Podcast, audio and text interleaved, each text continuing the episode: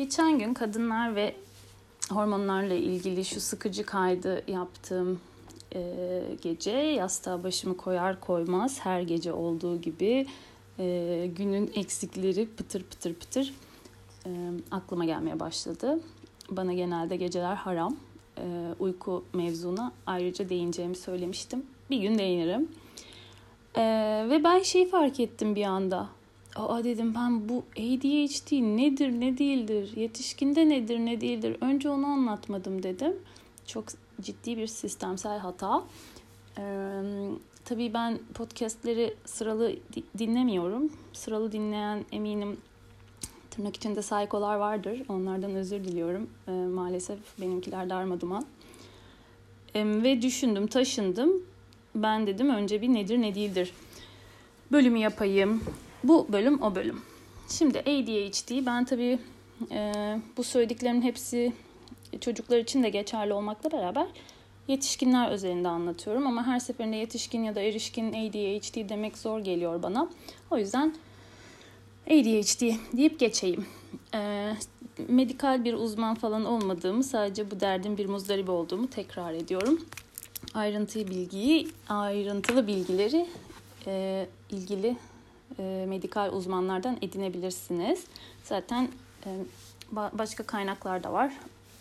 Hmm, şöyle şimdi ADHD gerçek mi değil mi diye mitler var. İşte ekşi sözlüğü okuyunca da bir sürü zamazingo var.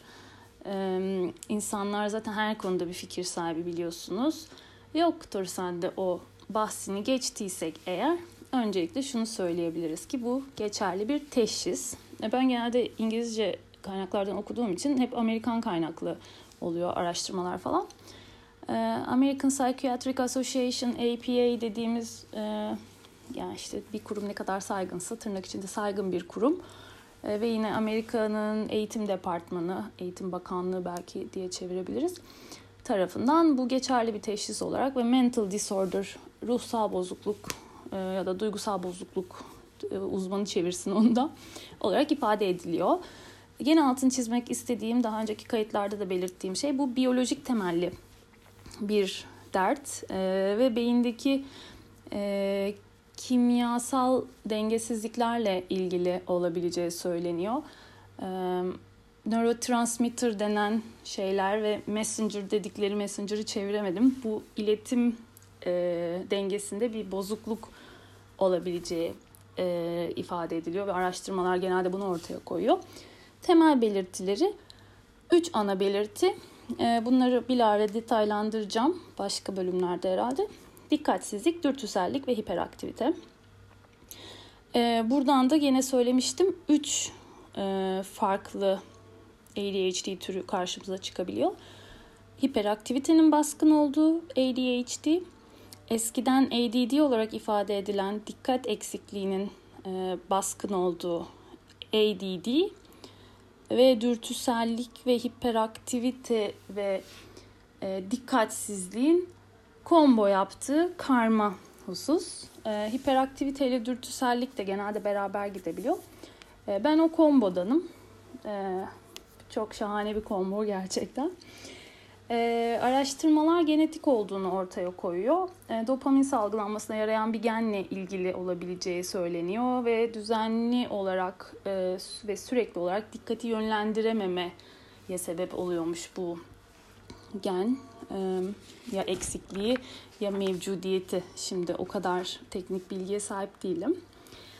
E, şimdi bu neden olurla ilgili e, şöyle şeyler duy- duyabiliyoruz kötü beslenme, kötü ebeveynlikten hiç olmaz. Buradan anneme babama selamlar ve öpücükler yolluyorum. Kötü ebeveynlikle, çok video izlemekle, aşırı şeker tüketmekle ya da işte abur cubur yemekle bir alakası yok. Ee, üç ana temel e, temele dayandırıyorlar bunu. Kalıtım ve genetik diyorlar. E, ve 2006 biraz tabii referans vermek için çok eski bir araştırma ama 2006 tarihli bir araştırmaya göre ADHD'li ebeveynlerin yaklaşık yarısı ADHD'li çocuklara ana baba olacaktır diyorlar. Kesin evde kalacağım ben bunları böyle anlatıyorum anlatıyorum ama yani babaannemin korktuğu kadar var gerçekten. İkincisi çevresel faktörler. Ee, burada da araştırmaları bizzat okumadım. Ee, onların atıf yaptığı kaynağı okudum çünkü tembellik. Ee, dolayısıyla bu çevresel faktörlerin anne karnındayken e, etki eden çevresel faktörler olduğunu düşünüyorum. Bu gen işlerinden anlayanlar varsa beni e, aydınlatırsa sevinirim. Yani doğduktan sonra da eminim e, çeşitli bozulmalar olabiliyordur. DNA'da bir şekilde e, her yerden zarar görüyoruz. Onu beni anlat, e, o konuda biri beni aydınlatsın. 2019 tarihli bir araştırma e, kurşunun e, ve 2018 tarihli bir araştırmada bisfenol A diye bir maddenin işte maddeye maruz kalınmasının e, ADHD belirtilerini şiddetlendirdiği ya da riskini arttırdığını e, ortaya koyuyor. Aynı şekilde yoğun stres ve travma da ADHD riskini arttırdığı gibi bunun da gene gebelikte olduğunu düşünüyorum. Ve tabii ADHD insanlarda da belirtileri arttırıyordur. Gebelik harici doğduktan sonra. Çevresel faktörler ikincisi buydu. Ve üçüncü olarak da gelişim sürecindeki müdahalelerden söz ediliyor. Bu da 2018 tarihli bir araştırma beyin hasarının ADHD'ye sebep olabileceğini ortaya koymuş. Ya da merkezi sinir sistemini gelişim sırasında etkileyen erken doğum gibi olayların, bu da 2018 tarihli yine başka bir araştırma. Erken doğum gibi durumlar veya hamilelikte alkol kullanımı, bu da 2017 tarihli bir araştırmanın sonucu. Bu gibi şeylerin gelişim sürecindeki bu gibi müdahalelerin büyük etkisi olabileceği bazı araştırmalarda ortaya konuyor. Tabii ki gebelikte alkol kullanılmaması canı gönülden dilediğim bir şey. E, teşhis meşhis işleri tabii çok teknik işler. E, yetişkinlikte genelde aslında şöyle oluyormuş. E, duygusal ilişkilerde ya da evliliklerde e, çatırdamaya başladığımız için bir şekilde o zamana kadar e, kamufle edebiliyoruz ya da kendi çapımızda kendi yöntemlerimizle idare ediyoruz ama iki kişilik düşünmeye başladığımızda ya da düşünememe durumu söz konusu olduğunda, sorumluluklar arttığında, takip zorlaştığında e, olay patlak verebiliyormuş ve çoğunlukla yetişkinde zaten e, romantik partnerin e, tespiti ya da onun şikayetleri doğrultusunda bir uzmana başvurulması e, şeklinde de teşhise vesile olabiliyormuş. Yani gönülden sevenler demek ki şifayı da arıyor diyeyim. E, bu anlamda e, ya da siz herhangi başka bir sıkıntınız için örneğin ben yani ben hiç böyle bir şeyden haberim yokken terapiye başlamıştım. E, o süreçte terapistiniz sizin verdiğiniz küçük küçük bilgileri birleştirerek eğer alanında uzmansa e, çocukluk öykünüzü dinleyerek işte birikmiş başarısızlıklarınızı gözlemleyerek ve sizin aktardıklarınızdan e, bir kanıya varabiliyor. E, böyle ruh hastalıklarının İncil'i dedikleri DSM-5 diye bir rehberi var bu Amerikanların. Burada ADD için 9 belirti saymış. Yani ADD derken dikkat eksikliğinin aktif olduğunu, baskın olduğunu kastediyorum. Ve hiperaktif ya da dürtüselliğin baskın olduğu e, kategori içinde 9 ayrı belirti e, sıralamış. Ve bu combo içinde yani her ikisinin beraber göründüğü durum içinde 9'ar semptomdan en az 5 tanesini iş yerinde ya da evde örneğin en azından 6 ay boyunca e, sergiliyor olmak gibi e, bir kriter getirmişler. E, şunu belirtmek gerekir ki hiçbir e, kesin sonuç veren herhangi bir testi vesairesi yok bunun. Ancak tabii erişkinde özellikle e, öyle mesela pek çok insan terapiye düzenli gitmek istemiyor ya da bir an önce meseleler çözülsün istiyor. Terapi biliyorsunuz uzun, yani bilenler biliyordur. Uzun soluklu bir süreç. Tabii çeşitli e, örneklerde kısa süreli e, ya da olay bazlı küçük seanslarda ya kısa seanslarda olabilir ama normalde uzun bir yol bu yani. E, orada o, o gibi durumlarda çeşitli e, psikiyatristler bazı uzmanlara göndererek işte çeşitli anket gibi şeyler doldurmanızı ya da bazı da başka bilmediğim testler de yapabiliyorlarmış. Genel olarak medikal gözlem önemli. Çünkü mesela tiroid ile ilgili problemlerin de gene aynen dikkat eksikliğine benzer e, belirtiler verdiği söyleniyor. Bunun gibi e, sizin bu belirtileri göstermenize sebep olabilecek herhangi bir medikal rahatsızlığınız olup olmadığının önce tespit edilmesi gerekiyormuş. E, sonra klinik gözlem işte e, yakın çevrenizden işte sevgilinizden olabilir, eşinizden, sevgilinizden, anneniz, babanız e, ya da yakın arkadaşlarınızdan sizinle ilgili bilgiler toplanıyor ve yine sizin beyanlarınız dinleniyor. Çocukluk, aile öyküsü, ailedeki hastalıklar vesaire.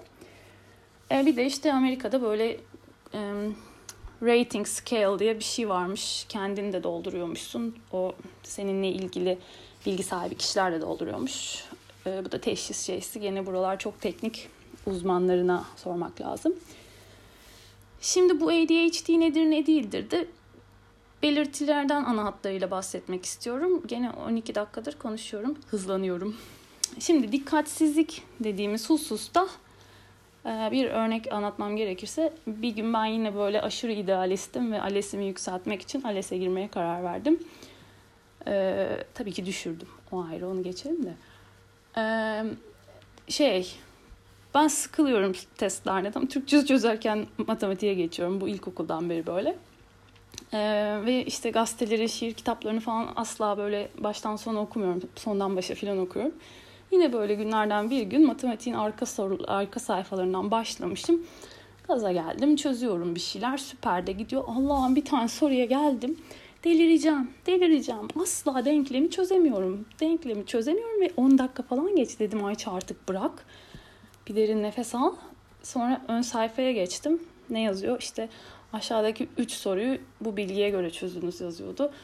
Ee, o gün kendimle ilgili gerçekten küçük bir şok yaşamıştım. Tabii bu durumdan da bir haberdim e, o zaman da. E, sonra geriye dönüp bunları hatırlamak çok komik oluyor. Yaşarken hiç komik olmasa da. Neyse bu dikkatsizlikte şöyle ana başlıklar var. Detaylara yeterince dikkat edememe, görevlere başlayamama, başlayamama benim en büyük sorunum gerçekten. Ki Stephen King demiş ki en korkunç an her zaman başlamadan önceki anınızdır. Bunu gözümün önüne kırmızıyla falan yazdım ama hiçbir işe yaramıyor. Ve hadi başladık diyelim tamamlamada zorlanma. Bu da özellikle uzak deadline'lı şeyler için e, benim için bunlar akademik çalışmalar e, gerçekten ölümcül oluyor ve sürekli sırtınızda bir fille yaşıyorsunuz. Tepenizde kara bulutlar ve sırtınızda bir fil. Konsantre olmakta zorlanmak ayrıca da dikkati yönetmede zorluk. İşte e, ne bileyim ben uyuduğum odada çalışmıyorum, çalıştığım odada uyumuyorum, uyurken giydiğim şeylerle çalışmıyorum. İşte çalışırken kapşon ya da şapka takmayı tercih ediyorum. Ritmik elektronik müzik e, böyle cıptıs cıptıs cıptıs cıptıs benim kafayı toplamamı bayağı yarıyor. Çeşitli yöntemler insanlar kendine buluyor. Benimkiler böyle yöntemler. Ee, unutkanlıkla ilgili bomba bir hikayem var İtalya'da geçen ama onu şu an anlatırsam çok uzar. Ee, zaman yönetiminde başarısızlık ya ben böyle 20 dakikaya yaparım dediğim şeylerin bir buçuk saat falan sürdüğünü görüp e, şok oluyorum. E, tatlı arkadaşım Gülüş belki hatırlarsın Beşiktaş çarşıya nasıl 10 dakikada gidip döneceksin diye şok olmuştum ve gerçekten 9 dakika sonra gelmiştin. E, ben asla böyle bir yaklaşık süre e, belirleyemiyorum. E, o yüzden hep abartarak fazla söylemem lazım muhakkak. Öyle bile olsa geç kalıyorum. E, organizasyonel becerilerde ve zaman yönetiminde başarısızlık. Bununla ilgili de bir gün dönümü bilet hikayem var ama ona da şimdi girmeyeyim. E, gerçekten o kadar dikkat ettiğim halde işte yine e, yanlış tarihe bilet almıştım. Dürtüsellik kısmına baktığımızda e, burada yerinde duramama, huzursuzluk, işte bar hopping, işte oradan oraya oradan ay biraz da şuraya gidelim, hadi kalkın dans edelim, oturmayalım, şunu yapalım, bunu yapalım. Tez canlılık, acelecilik, hareketlilik. E, bu da gene hem e, insan ilişkilerinde işi zorlaştırıyor. Hem sürdürmeniz gereken e, mevzularda sonucu hızlı alamamak e, anlamında acelecilik çok zorluyor beni. Örneğin işte egzersiz ve diyet gibi konularda ödül mekanizması çalışmayınca e, hani iki ay sıkıyorum dişimi, üçüncü ay patlıyorum bu sefer. E, sürekli söz kesme, bu, bu kendimle ilgili en sevmediğim şey herhalde bu. Sürekli söz kesme, konu değiştirme. E, bu, bunu herhalde benim değil dostlarımın anlatması lazım. Neler çektiriyorum onlara ve çok fazla konuşma. Yani bazen gerçekten böyle e, hayatımın çeşitli beşer yıllık periyotlarında atıyorum işte ortaokul, lise, üniversite farklı farklı insanlardan şey diye duydu aynı cümle yani senin off tuşun yok mu dendiğini çok duydum. Bazen özellikle böyle gerçekten dilime vuruyor, cır cır cır cır cır konuşuyorum. Bu artık dönüştüğümüz noktada şeye de dönüyor. Ee, uzun, uzun mesajlar, gerçekten uzun mesajlar. Bunu azaltmaya çalışıyorum. Çok ciddi egzersiz yapıyorum. Bazen size mesela işte 5 satır yazıyorum. Sonra son 3 satırı kes yapıyorum. Çünkü onlardan vazgeçemiyorum. Diyorum ki 2 2 mesaj sonra da bunları yazarım diyorum. Kaynıyor. Neyse buna da şükür. Um, emotional dysregulation. Bunu duygusal bozukluk e, ya da normal tepki gösterememe diye e, çevirmişler. Benim içime ikisi de sinmedi ama işte duyguları regüle edememek diyeyim çeviri gibi olmasa da.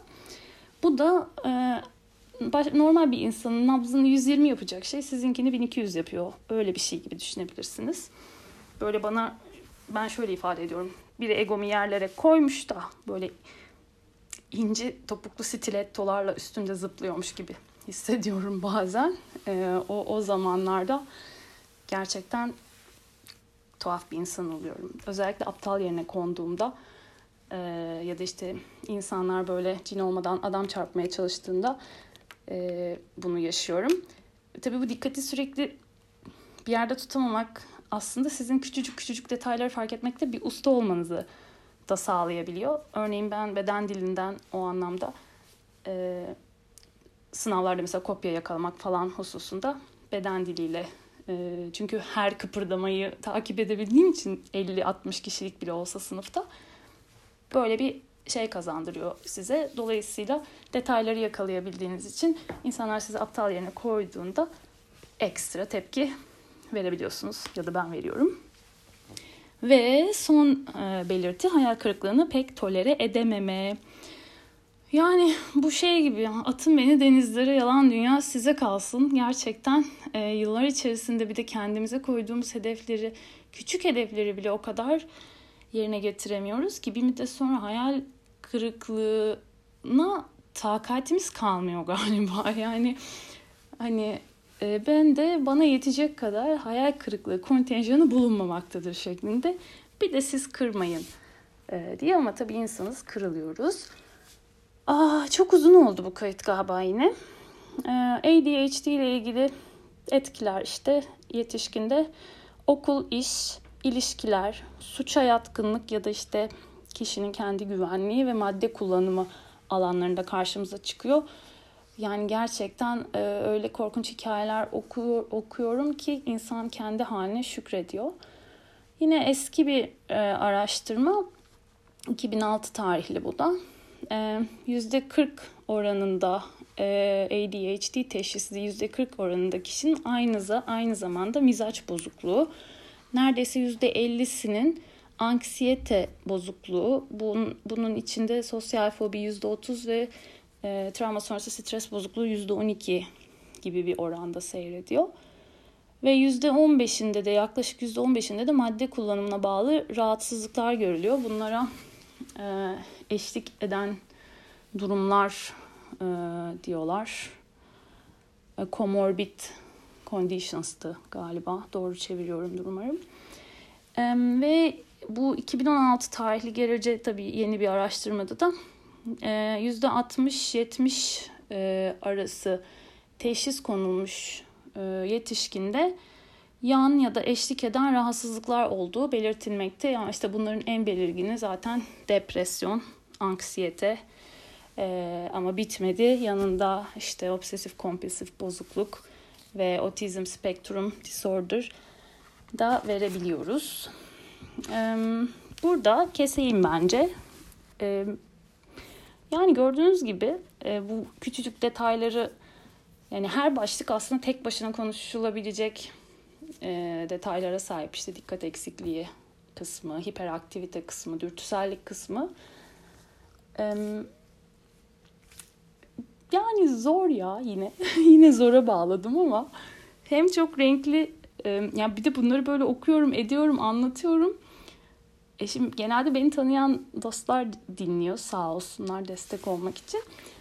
Ama tanımayanlar açısından da düşününce gerçekten reputasyonumu ne yapıyorum acaba? Söylediğim her şeyin bende olduğunu varsaysalar yandım herhalde. Halbuki çiçek gibi insanım yani.